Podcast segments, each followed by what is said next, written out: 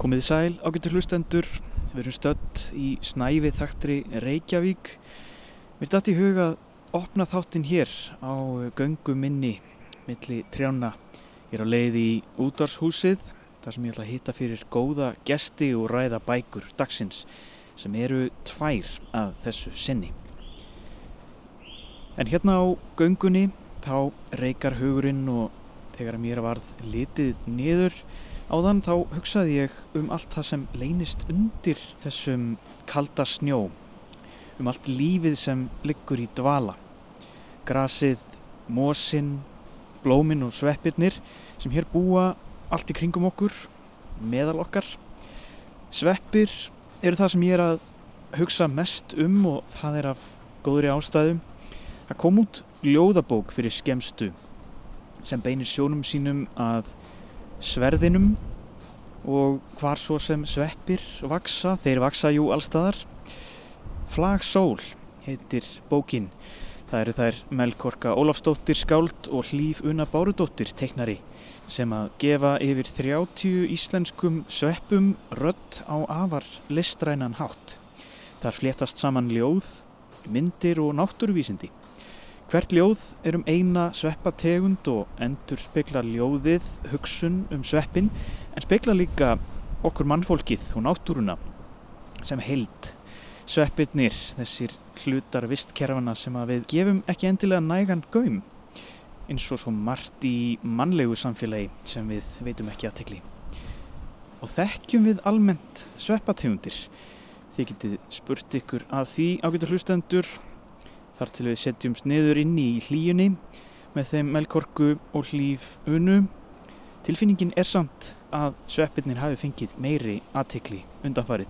Ekki bara ofskinjunar sveppir eða slíkt, heldur bara þessi dularfulla mikilvæga og fjölbreytta lífera í allri sinni dýrð. Afskaplega aðtiklisverð bók sem að þær voru að senda frá sér. Nú það er líka fleira í þættinum eins og alltaf og einhverjir myndu gera hér tengingu við sveppina hver veit. Eitur heitir nýjasta glæpasaga Jóns Alla Jónassonar, handrithöfundar og leikskáls. Í nýju bókinni heldur Jón Alli áfram sögu Dóru og Rató sem eru utangars löggur og ólíkinda tól og fá í hendur morðaransók sem leiðir lesendurinn í heim fíkninar og livja yðnaðarins sem hefur gríðaleg áhrif og völd. Það eru fáir sem ekki hafa hirt minnst á þann skada sem ópjóðalif af ymsum gerðum hafa haft á samfélag víða um heim, líka hér á okkar litlu eigu. Jón Alli kemur hér á eftir og spjallar við mig um þetta allt saman og glæpasagna formið og ímislegt fleira. Ég heiti Jóhannes og þetta eru bara bækur.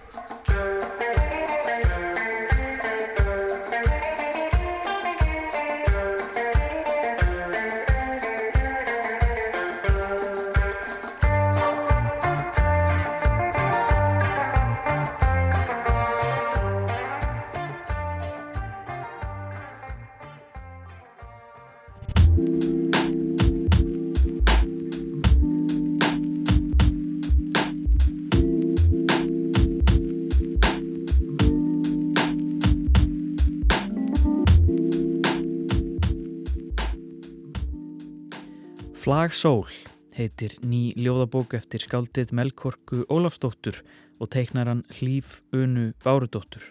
Saman kynna þær lesendur fyrir leindarlífi íslenskra sveppa. Þessara sérstöku lífera sem finnast allstaðar í jörðinni, á skóarbotninum, á trjábólum, greinum og steinum og jafnvel þar sem ekkert annað þrýfst. Sveppir eru auðvitað ekki bara einhverji litlir hattar undir trjánum. Þetta er stór og fjölbreyttur hópur sem tengir saman heilu vist kerfin. Það má alveg segja að við höfum ekki gefið þeim mikinn gaum svona dags daglega. Já, fyrir en kannski nú. Við eigum öll þessi gömlu romantísku náttúru ljóð um ægi fegurð náttúrunar, heiminn háfjöll og hættulegt brimrót hafsins en færri ljóð um sveppi.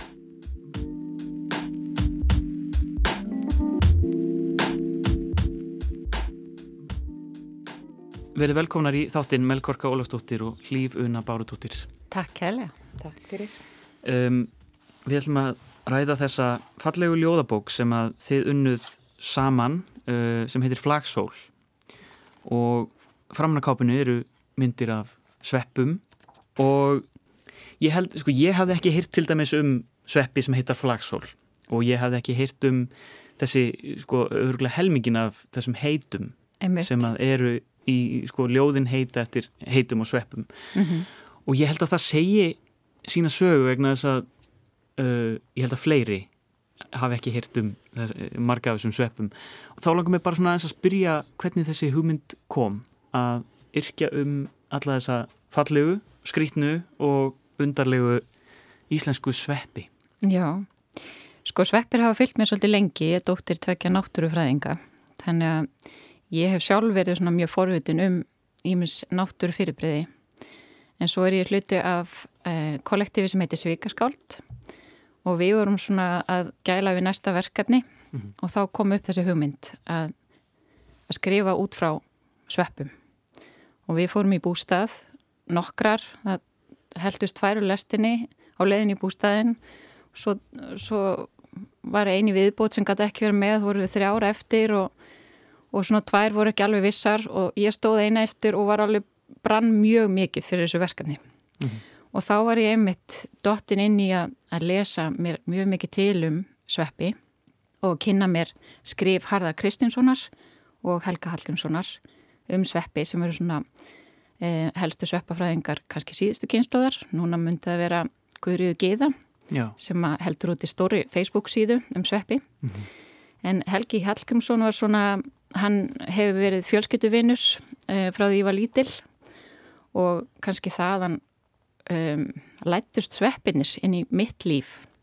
Og svo þegar ég voru að lesa einmitt þessa texta þá komst ég að því að fræðitekstanir sjálfur eru oft bara svo ótrúlega ljóðrannir og fallegir og þeir hörður og helgi hafa gefið flestum þessum sveppum sínu sem eru bara oft svo falleg og ljóðrann og þeir slá naglan beint á höfuðið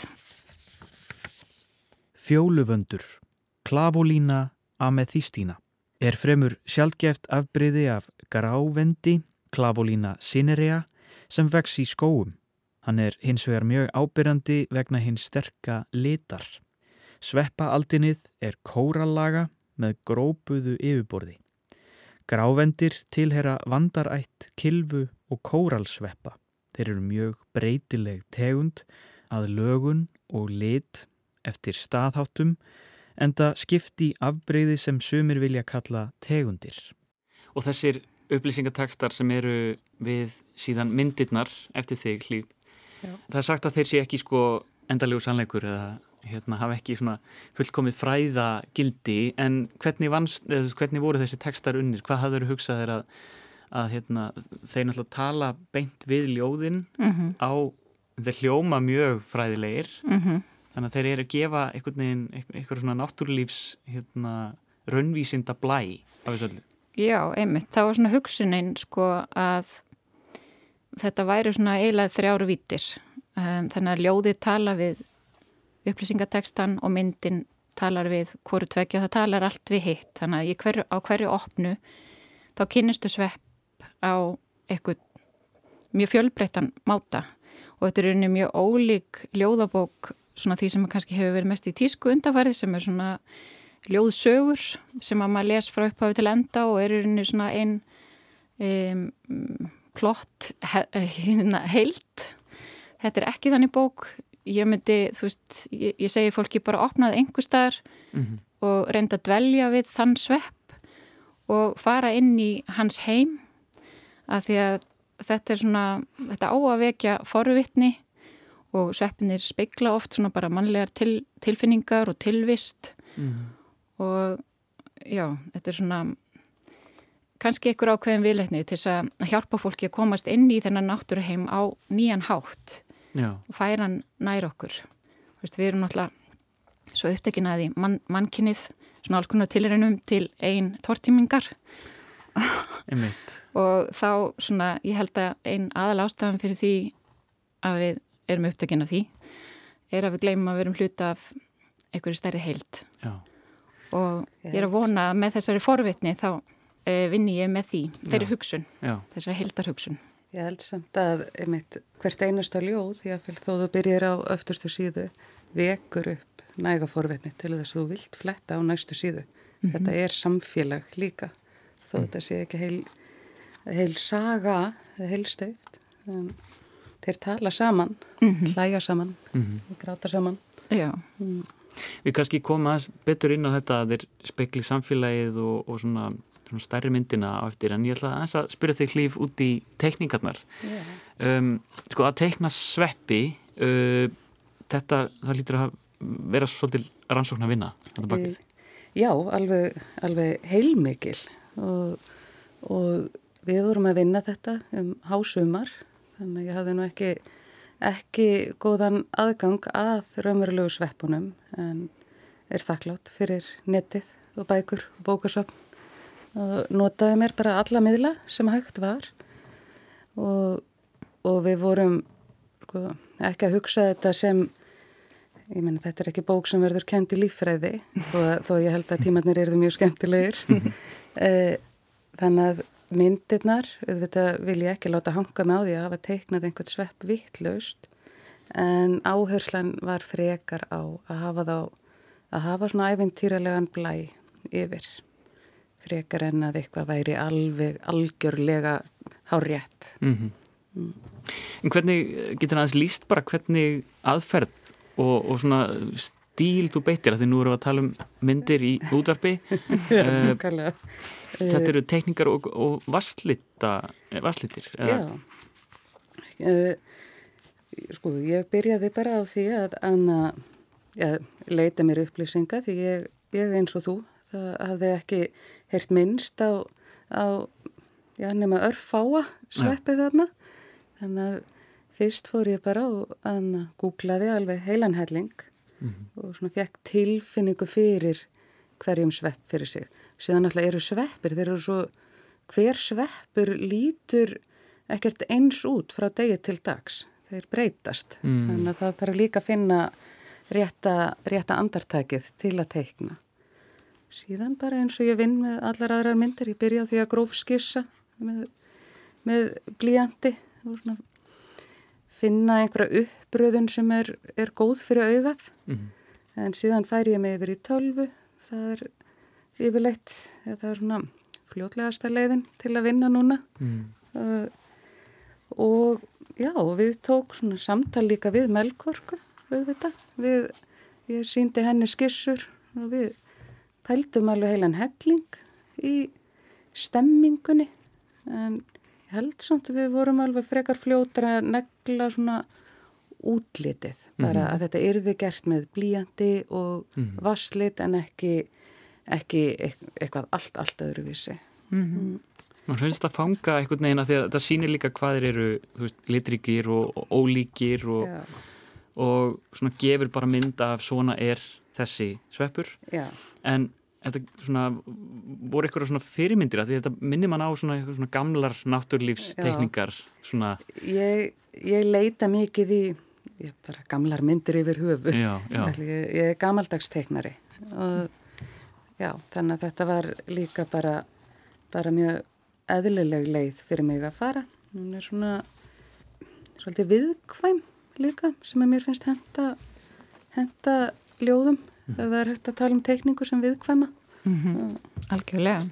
Já, Hún sló alveg, mér varst lífuna alveg um leið slá þennan rétta tón sko, líka það er svolítið kunst að teikna við ljóð þannig að- teikningin útskýr ekki á mikið. Þann þarf að, að svona halda í e, það að lesandin geti tólkað á ímsa vegu og sinn einn hátt. Mhm. Það var alveg smá áskorun fyrir mig því að mig sem teiknara mér langar rosalega til þess að útskýra fyrir ykkur hinnum uh, sjónrænt hvað þið eruð að lesa. En þá er ég náttúrulega að taka eitthvað frá, frá lesandanum líka. Uh, þannig að það var líka það var reynda bara skemmtilegt ferli hjá okkur melkorku að finna finna þann tón. Mm. En ég náði alveg að lauma alls konar ævintýrum inn í, inn í einhverjar myndir Já, myndirnar í flagsól hafa sumar ævintýralegan blæ En minna líka á náttúrlífsmyndir fyrir alda og má nefna í því samhengi teikningar Benedikts Gröndal af fugglum, blómum og öðru sem finna má í náttúrunni. Teikningarnar í flagsól eru auðvitað af sveppum en það eru vísbendingar um mannin, hið mennska í sveppnum eða sveppin í manninum. Aftur á móti er ein mynd þar sem manninum bregður fyrir með beinum hætti innan um gráspyrðu. Það er, þannig að ég ætti nú kannski að lýsa aðeins, lýsa aðeins myndinni, hérna. Það er e, hágrátandi kornabarn og, og ennþá með nafla, nafla strengin og nafla strengurinn síðan e, umhverfist í gráspyrðu sveppin. Þetta er svolítið erfið mynd og þung en hún, hún er, já, hún er alveg, hún er falleg en þung mm. en eins og ljóðið. Og sveppurinn svona vex í lögum og myndar já. svona eins og stalla. Já, og það eru þar af leiðandi efstu sveppinir sem fá mestu, mestu, mesta ljósið næringuna mm. þarna. Og ljóðið er, já, ég leiði mér að tólka þetta ljóð á, á þennan hátt. Ég veit ekki alveg en uh, það er engin önnur leið sem er mér dettur í hug. Þetta var, rétt, þetta var eina réttur leiðin. Mm -hmm. Það var tilfinningin og eins og lo, loka línurnar í, í þessu ljóði sem er sorgina sem seittlar millir kynnslóða. Þetta er, þetta er þungljóð og, og myndin má vera, vera svolítið þung við. En, en þetta var eina, eina myndin sem við fórum svona þessa leið. Hinnar myndirnar eru, eru opnari fyrir tólkun. Mm -hmm. Og við áttum samtali um það, þú veist, gott við ættum að gefa svona mikið með myndinni en Já. svo var þessi mynd líka bara svo ótrúlega mögnuð og fallega teiknuð hjá hlífunu að það var ekki hægt að sleppinni. Mm. Einhver tíman en, uh, eftir á 50 ára afmæli flagsólar þá þá en að fæ ég að endur tegna myndirnar bara með mínum tólkunum Nei, en ég var fullkomlega sátt við að, að, að fara svona opnar í leið að þessu. Mm. það, uh, það er bara viðegandi við, við þessi ljóð. En ljóðin eru eða teikningarnar er alveg sko já, þær er alveg lúmst líkamlegar og maður nokkrar bara bara pínu ég ætla ekki að segja dörti en munuðarfullar mm -hmm. mm -hmm. já, já það, er, það er alveg fullt af líkamlegum hlutum þarna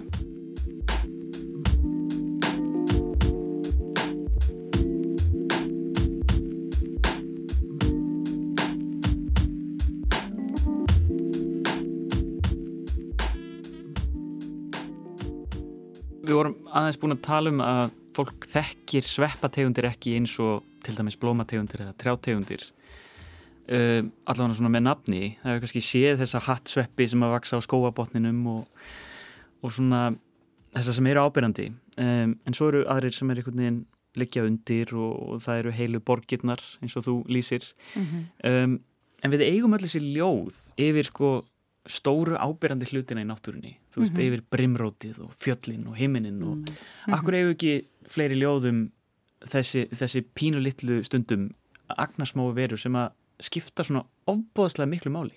Já, það er bara, ég held að það sé að luta til að því að það er erfiðara að koma orðum á það sem er eh, ekki augljóst og ekki alveg fyrir framamann um, og svona eins og með ljóðið um, þú getur ekki lesið það að þú ert á hlaupum. Þú þarfst að dvelja við og þarfst að setjast einhverstaðar í náttúrunni til að taka eftir sveppunum þarfst að, að, að skrúa niður í tempóinu. Mm. og ég held að við höfum öll mjög gott að því svona almennt í nútímanum að, að gera það. Að, og svona kannski vinna gegn öllu hinnu maður finnur bara þegar maður keirir út úr bænum að það svona slaknar á og maður skilur eftir streytun og maður kannski finnur, finnur það ekki fyrir maður er komin út fyrir höfuborgsvæðið og ég held að það sé svona kannski þessi ástæða fyrir því að maður, svona, maður þarf að ákveða svolítið að vera forvitin maður þarf að ákveða að setjast niður og dvelja við taka eftir því sem er lítið en ekki síðu mikið vægt mm. og sveppir sveppir eru náttúrulega sko svo ótrúlega magna fyrirbæri þeir, þeir sko þrýfast það sem ekkert annað þrýfst mm. og fólk er nú kannski aðeins að vakna til meðutundar um þetta eru að koma alls konar sjónvastættir og, og svona meiri áhugja á sveppum Það er algjör sveppabilgja í gangi. Það er einhver sveppabilgja í gangi já, sem að snýst ekki bara um að komast í výmu um, Það er líka matsveppir. Já og matsveppir. Hann Helgi reyndar ég heyrði í honum í síma eftir þessi bók og ég sendi honum bókin á og hérna hann svona reyndar kommenta á það að það væri nánast engin svona vel ætur sveppur í þessari bók en ég lagði mig fram við að, að reyna að velja einmitt fjölbreytt fjölbreytta flóru sveppa En þetta eru svo mikilvægar líferur og það mm -hmm. tengja náttúruna saman eins og bara einmitt. hvernig trí hérna, tengjast og... Einmitt, ég geti kannski lesið ljósettuna á eftir því að Hún er svona dæmi um svepp sem að myndar svepprútar tengsl mm. við aðra plentur. Þannig að það er svona bara tilturlega nýkomið í ljós að sveppir er á mjög stóran þátt í að, að aðra lífurur tala saman og svo vita skóræktamenn til dæmis að það þýðir ekki að taka bara tré og planta því einhver staðar. Þú þarfst að vera meðdagur um hvað sveppur fylgir trénu mm. því annars lifir tréð ekki af og það eru yms svona sambíli sem að sveppir mynda sem að skipta alveg ótrúlega miklu máli. Og, og geta bara verið grundvelli fyrir því að líf þrýfist en þetta eru svona einhver svona ósynlegi, ósynlegi hlutir. Eins og oft bara ósynlegi hlutir í samfélagi manna sem að við veitum ekki aðtekli og þarna kemur kannski einhver ákveðin feminísk nálgun líka. Þú veist að oft það sem að konur leggja til samfélagsins er ekki eins sínilegt og ekki eins mikið hampað. Mm -hmm og, og þannig er ég kannski líka svara spurningunni þínu áðan, þú veist, af hverju veitum við þessu ekki eins miklu aðtikli þetta er svona, þetta er kannski lítil látur hluti af lífinu eða samfélaginu eða umhverju okkar en mögulega bara það sem er forsenda lífsins.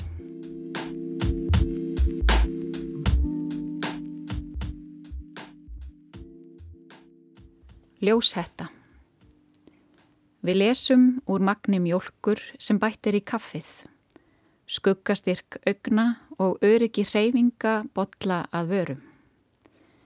Ángan myndarskaps og móðurlíu, saman runnin undir glóandi eldúsljósi, fínmálaðir diskar, fylgtir slúðri og plotti, handlangaðir umhverfi sporðið. Reynslunni ríkari leysum við varnar orð alls þess sem særir og ógnar, ósjálfráð taugabóð út í fínstilt kerfið.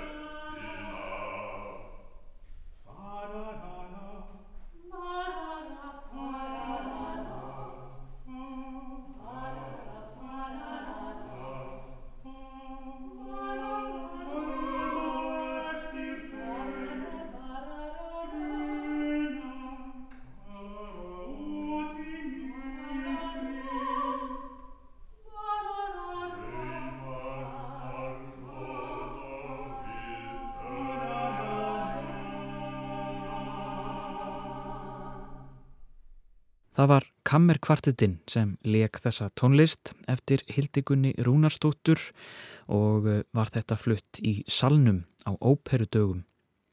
Og þetta lag sem við heyrðum er um ull blekilinn, svepp sem finna má í bókinni Flag Sól eftir Melgorku Ólafstóttur og Hlýf Unu Bárudóttur. Og þótt tilsíu eitraðir sveppir ætlum að snú okkur næst að eitruðum bókmyndum. Jón Alli Jónasson var að gefa frá sér nýja glæpasögu sem kallast hreinlega eitur og vísar þar í allt eitrið sem flæðir um samfélagið, fentaníl og ópjóða. En eitur getur verið alls konar og fíknina er víða að finna.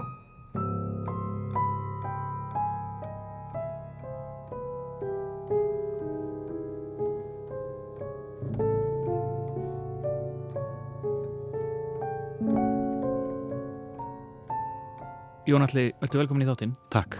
Mér langar að byrja það aðeins að staðsetja fyrir hlustendum svona að því að þú ert að halda áfram í rauninni með uh, personur sem að Já. þú hefur verið að skrifa um áður. Já. Og við erum stödd, í, erum stödd á, á Íslandi í samtímanum, þarna eru persóna Dóra og, og Radó áfram Já, og vinnan þín í kvikmyndabransanum tengist pínu, kemur það þess inn í, ert ekki Já. búin að vera í kvikmyndunum svolítið? jú, jú, ég náttúrulega er, er fyrst og fremst leikskáld og handritsöfundur. Það er svona það, það sem að ég fengist við á mínum ferli fyrst og fremst. Og hérna þannig að ég hef svona ágæta einsýn í eh, bransan eins og kallum hann. Mhm. og, og nýti mér að það aðeins sko í, í, í svona ingangi bókarinnar getur við sagt, við, þú veist, opnum inn í þann heim dálítið.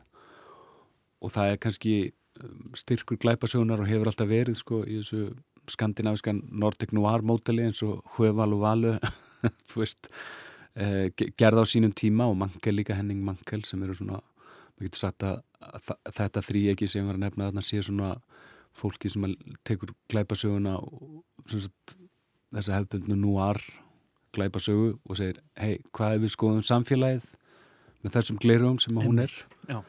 og hérna mér fannst gaman bara að geta einhvern veginn veitt pínu insýn inn í þennan heim þennan kema sem að er lítill á Íslandi en alveg gríðarlega mikilvægur og spennandi Tökur á erlendum sjónvarpsþáttum standa sem hæst í kvikmyndaverinu í Guðunissi þegar illa farið lík finnst í leikmyndinni inn í gameskipi. Hinn látni reynist vera sambílismæður Elliða sem er yfirmæður rannsóknadeildar lörglunar. Hann setur málið umsögalaust í hendurnar á þeim sem hann treystir best utan gars löggunum og ólíkindatólunum Dóru og Radó. En, en ég get sagt svona í, í stuttumáli þá, þá, þá langaði mig að halda áfram með þessar personur og, og hérna, taka eitthvað sem væri svona ofarlega bauði í samfélaginu og það verið raun og verið þessi fentaníl eða ópjóða faraldur sem að geysar uh, um þessa myndir á Vesturlöndum og ekki síst hérna. Laurugla tilur að rekja megi á fjórða tug andláta til ofskömmtunar á fyrstu þremur mánuðum ársins. Gott kvöld. 35 manns með fíknivanda hafa látist það sem af er ári og heilbriðisáhra vil sker upp herur gegn ópíóðafaraldri. 46 livjatengt andlát voru skráð hjá embætti landlæknis í fyrra, allt árið 2021. Þau hafa aldrei verið fleiri. Samfélagið hefur barist gegn fíknefnum í áratvíi. Undanfarin misseri hefur eins og er eitthvað nýtt verið að gerast, eitthvað sem ekki hefur sérst áður. Og afleðingarnar eru átakanlegar. Uh, mér fannst hann verið eitthvað sem að mm, væri áhugavert að rannsaka og þú veist bókin er talið hönnuð í kringum það, getur maður sagt. Og þetta er náttúrulega sko, efni sem að stendur þér nærri og, og svona, þú hefur pælt mikið í og ég veit ekki, þetta, þetta er svona vettvangur fyrir ákveðna umræðu því við virðumst vera svona stödd í svona ákveðnu ferli að já, býttu nú við, er þetta að gerast hér? Já. Erum við ekki svolítið þar? Jú, og það er skrítið hvað fer lítið fyrir þessu samt í fjölmiðlum og, og það kemur alveg sífælt á óvart að því uh, sko, ég veit ekki hver hinn ofinbera tala er en, en hérna, hún er allavega kringum 70 eh, sem sagt andlát á þessu ári ef, ef ekki herri og það sem að eh, maður svona kannski dokar helst við er í einhvers konar veruleika getur maður svo sem samþykta að langgengnir fík, fíklar uh, ná í raun og veru efstast í fíknisjúkdóms með því að deyja úr ofneislu Mm. en þegar að krakkar sem að hafa kannski aldrei fengið sér í glas, mæta 19 ári í eitthvað partí, taka eina pillu og deyja þá hljótu að segja stopp einhverstaðar mm. Og hérna, og það er kannski það er þetta og líka bara þessi margbreytileiki fíknisjúkdómana uh, eða fíknisjúkdómsins öllu heldur. Mér ást áhugavert að skoða hann líka thematíst til dæmis fyrir þá sem hefa börn til dæmis á ég unga dótur og maður er í sífældum samningavirðan við sko hversu mikið hún má horfa á teiknumindir í iPad.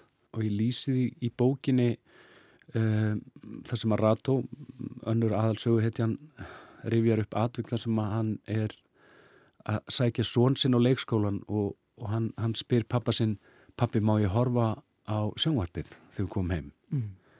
og hann segir já og hann sér gleðina í augum batsins og, og hérna við það sem er í vændum, eftirvæntinguna mm. og ef, ef þú talar við um, hvað maður að segja, já langt gengna fíkla, þá er það helmingurinn af því er eftirvæntingin að nota, að vera búin að kaupa, ná að kaupa, ná að retta efni, það er alveg helmingurinn af, af, af kikkinu getur við sagt. Já. Og svo er það výmann sjálf. Svo er það výmann sjálf, alveg... þannig að, að, að þú sér þarna að það eru, þú veist ákveðni parametrar hana, þú veist, það er, á, þú veist, það er, eitthvað, það er eitthvað sem skarast þarna veist, og, og að sjálfsögðu þegar ég segi skarast þá er náttúrulega við bara að það er eitthvað sem er gengið úr liði skilur mm. ég er ekki að segja eftirvænting barnd sé raung eða skökk eða eitthvað en ég er bara að segja veist, ég held að, ég held að sé svo, svo djúbstætt mm. og, og hérna ég, einhver staðar hef ég rætta áður að þú veist, við eigum allskynns aldir, við eigum þú veist, myrkar miðaldir, við eigum upplýsingaöldina. Núna erum við kannski stötta á öld afþreyingarinnar.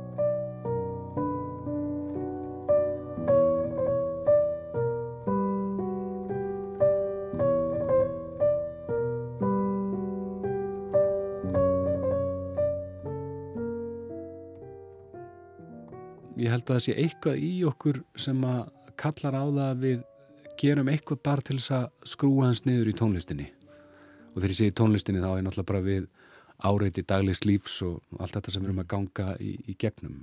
Veist, heimurinn er orðin miklu miklu minni en hann var. Mm -hmm.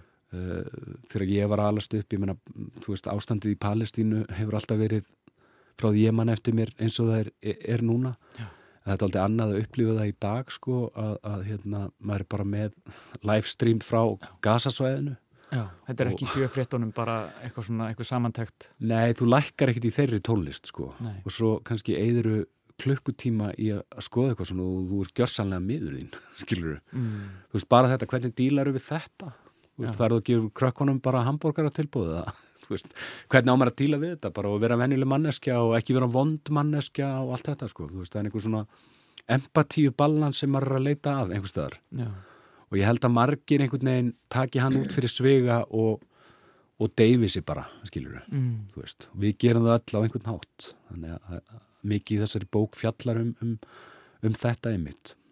Þú ert líka svolítið að sína fram á það að hvað þetta er sko út um allt, af því að það eru Já. þarna, sko, ég meina aðalpersonan er að kljást við sína fíkn uh, manneskinn sem deyr uh, er að glíma við fíkn. Já. og það einhvern veginn personur út um allt sem að hafa uh, sína svona fíkni djöblaða draga þetta er enginn svona einhver, einhver einn heimur sem fólk fer í, þetta er bara þetta er allt í kringum okkur. Já, ég menna, mammaði fyrir nýjaðgerð og, og fær oxykontin í tvær vikur. Hún verður háði, það er alveg bóttið þannig er það bara þannig er það búið til. Já. og hvernig hún svo, þú veist, dílar við það er annar mál.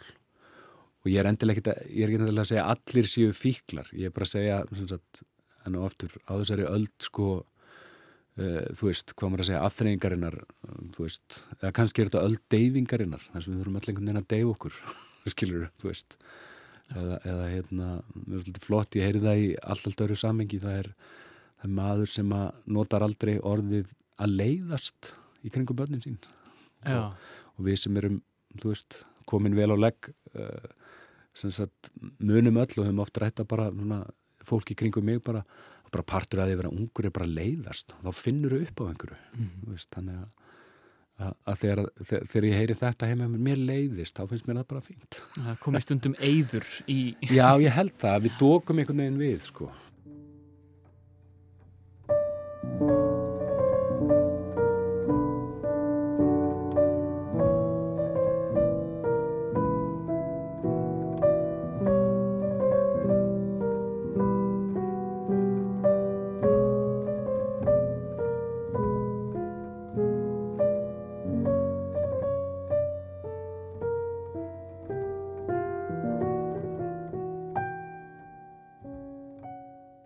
í þessu mótili þetta er, þú veist, fjalla fagurbókmyndirnar um þetta á sinnhátt og, það er mjög skemmtilegt en mér hefur alltaf þótt eitthvað við mm, sagt klæpasöguna að því uh, mér finnst hún, hún líkjast aldrei sko þess fárum þetta það hljómar mm, þú veist, uh, ráftónlist og þá er ég að tala um uh, að því, því ráftónlist er einhvern veginn að mörguleiti daldi svona einnóta tónlist skilur þau mm. og, og hérna ég bjó lengi í Berlín og, og, og þú veist, það er fullt af blödubúðum og það eru allt í hennu bara komnir inn 30 white labelar og þú veist ekkert hvað þetta er og þú setur þetta á og, og svo kemur bara það næsta þú veist, þetta er ekki eins og þú veist, plötur með bítlónum sem eru, sem eru hérna, eh, meistaraverk sem eiga að lifa, þú veist, áratugum saman.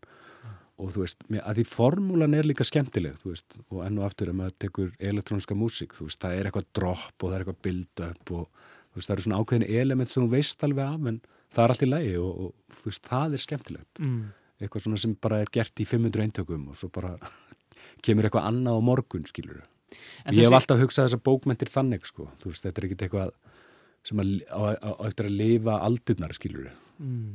Þetta er meira svona eins og viðbragð eða... Já, mér finnst það sko mm. að því að mörguleiti er, er rannsóknar blaðamennska og heimilda þáta og myndagerð partur af því, en mjög slíka þú veist, margt af því sem að þú uh, getur ekki gert í blaðamennsku getur ekki gert í þessu Mér langaði einmitt að spyrja út í það því að sko, þú náttúrulega ferð ekki sko, þú ferð svolítið um víðan völl og við skoðum líka svona undir heimana og, og förum út fyrir landsteinana já, já.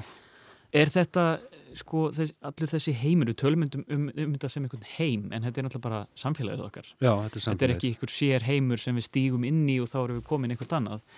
Er þetta fylgjast með þessu einhvern veginn reglulega, þú veist, bara í fréttum þurftur að fara í einhverja mikla rannsókn? Hvernig var það ferli? Já, sko, þú sérð, nei, þú, þú, þú veist, það er ekki nóg að lesa fréttir, þú verður að vera hvað var að segja, vinna meiri rannsóknarvinnu en það mm -hmm. vegna þess að, þú veist, í fréttunum sérðu bara svona, sérðu útkomur en áttar ekkit endilega á því hvað likur að baki, skilur mm -hmm. og uh, á þess að fara nánort í það, þá náttúrulega er ég uh, fólk í lauruglunum lesi þetta og þekkir þetta og mhm. eins líka hinum einn mm. sem að mér finnst alveg eftir mikilvægt uh, en, en jú, í raun og veru þú veist, þú stýgur yfir og ég tala hans um það það er þetta gráa svæði þar sem að þú lifir og hærist og, og svo bara þarf óbúslega lítil atbyrður ás að fara í gang til þess að þú sérst draungu megin lagana mm. en það er ekki allir sem að upplifa sig þannig í þessum heimi mm. en sumir gera það Já. og það er kannski bara kostur mm. þá er einhver móralska spurningar að flækjast fyrir þér þannig þó svo þú hafið þær þó þú hafið kannski annað gildismat skilur hvað er að fara já, þú veist. Já, já, já, þú getur hérna, liftir að, að skoða já, en, en, en hérna, já og, og þú veist, þetta er ofta eldklárt fólk og, mm. og allt þetta sko. Þannig að, að, en svo held ég líka sko ef þú horfir á það að það er ekki það sama á fíklar sem brjóta af sér. Að því veruleikin er sá að fangelsin okkar til dæmis eru meirað að minna fulla af fíklum sem eru veikir og e, stunda afbrót eða glæpastarðsami til þess að fjármagna eigin neyslu. Mm. Og til dæmis eins og áður en Tats er eðilaði braska helbriðiskerfið og, og fleiri svona kjölfarið mm -hmm. þá voru þeir komni langt með öll skadamingandi úrraðin Já. þú veist það eru bara vissir hluti sem við þurfum að gera til þess að þú veist losna við það sem við erum að stela hjólunum okkar og brjótast inn í bílan okkar og eitthvað svona þú veist já, já, sem bara þetta að, að hérna, taka skadamingandi úrraðin að því þú veist þetta er vikt fólk og við höfum að hugsa vel um það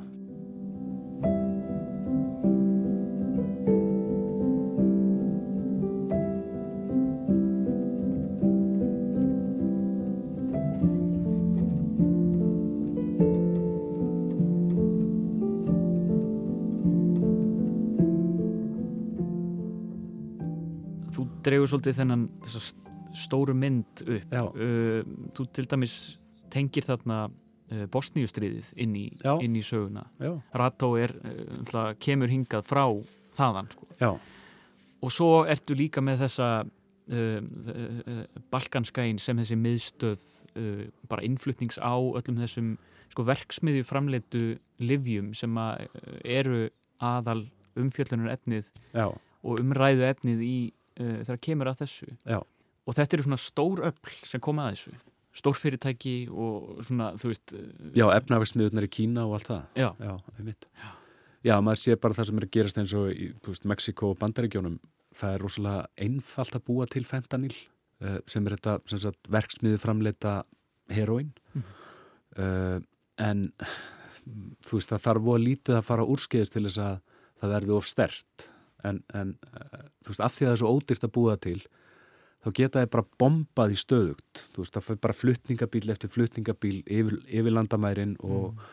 og hérna ég man ekki hver, hvort það er á nokkura mínutna fresti sem einhver deyr úr sko fentanil ofskömmtun í bandaríkjónum og ekki viljandi þú veist, það er ekki fólk að taka sér degi í lífið eða svo leiðis það er bara því efnin er svo sterk sko, og þetta er náttúrulega ekki mælt í hérna, talaður ekkert um það hérna, þetta er ekki mælt í grömmum eins og við þekkjum Nei, nei þetta, þetta, þetta, þetta er ekki grömmum heldur í mikrogrömmum Já. og meiri segja að þetta er part, fentanil er partur af því sem að svæfingalegnar gefa til dæmis á spítölum það er oft sem að þeir missa fólk þannig en þú veist, þeir eru náttúrulega kjöra aðstæðun til að fá það tilbaka en Já. þú skilur hvað ég á við, meiri segja sko læknis, læknisfræðilega menta fólk á í basli með að finna rétt að skamtinn sko. þannig að hérna og maður sér þetta sko þeir, þeir, þeir pakka þessu eins og sælgæti mm -hmm. skittuls fentaniltöflu sem líti út eins og skittls eru í skittlspókum og það er engin leið að sjá munn á því og, og skittls sem þú kaupir bara á enn einum mm. þannig að þetta er, þetta er gali og þetta er það eina sem að þeir búast í bandaríkjónum að breytist á næsta ári er að tala hann lækki þetta er, er allt saman ókveikjandi og þetta hljómar allt saman svona einhvern veginn eins og þetta sé að stefna í vonda átt. Já. og þá fannst mér sterkur sko þráður í, í allavega í þessari sögu og kannski þú veist í þessari bara raunverulegu umræðu Já.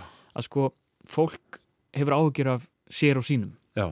og sínum nánustu og það er kannski líka þetta uh, sem fólki í þessari sögu er svolítið að gera, það er svona að draga sitt fólk, bjarga sínu fólki og svona, þú veist, það er náttúrulega stór hluti af þessu að, að uh, það sem við þekkjum ekki er náttúrulega óttust við og uh, við viljum ekki að okkar, okkar börn eða nánustu aðstandendur einhvern veginn lendi í eins og sagt Nei, einmitt. Og það er svona, hefur þetta aldrei svona hnift í mig eftir að þessi bók kom út. Fólk sem hefur mist einhvern úr, úr þessu og, og, hérna, og hefur finnur hjá sig þörf til að ræða það. Og, og, og sérstaklega svona uh, vanmátt sinn gagvart bara aðstæðunum. Og, og sérstaklega þá En það kemur alveg til þín bara Já, já, það er alveg gerst nokkur sinnum og svona eftir að bókin kom út að, að þú veist og það er, það er svona náttúrulega þekki allir hann þess að, að missa einhvern, skiluru mm það er aldrei, aldrei flóknara í þessu tilviki vegna þess að það er svo margt bara sem fólk skilur ekki, þú veist og hérna uh, þú veist, af því, því fíknisjókdómum fylgir uh, náttúrulega það að að, að, að sagt, hinn veiki gerir alltaf í kringum sem veika skilur þannig að mm.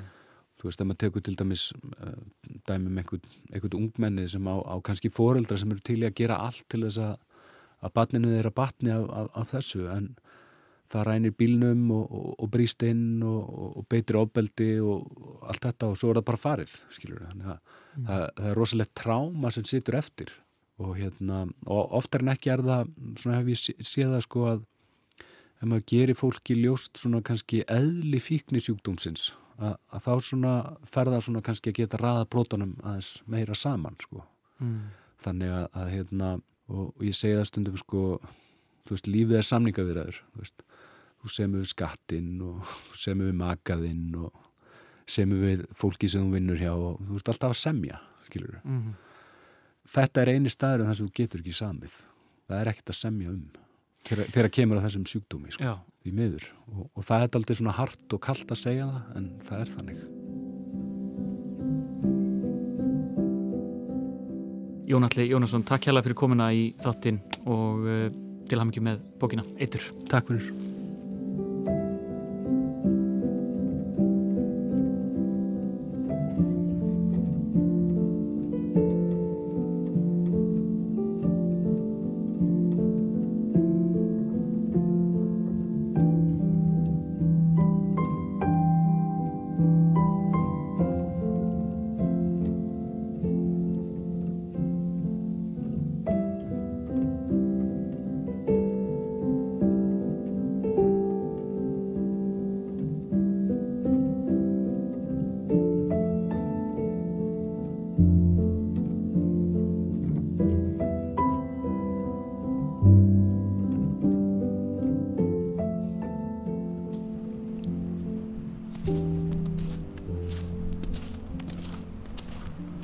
þá er ég haldinn út í skamdegið og þátturinn í dag senn á enda.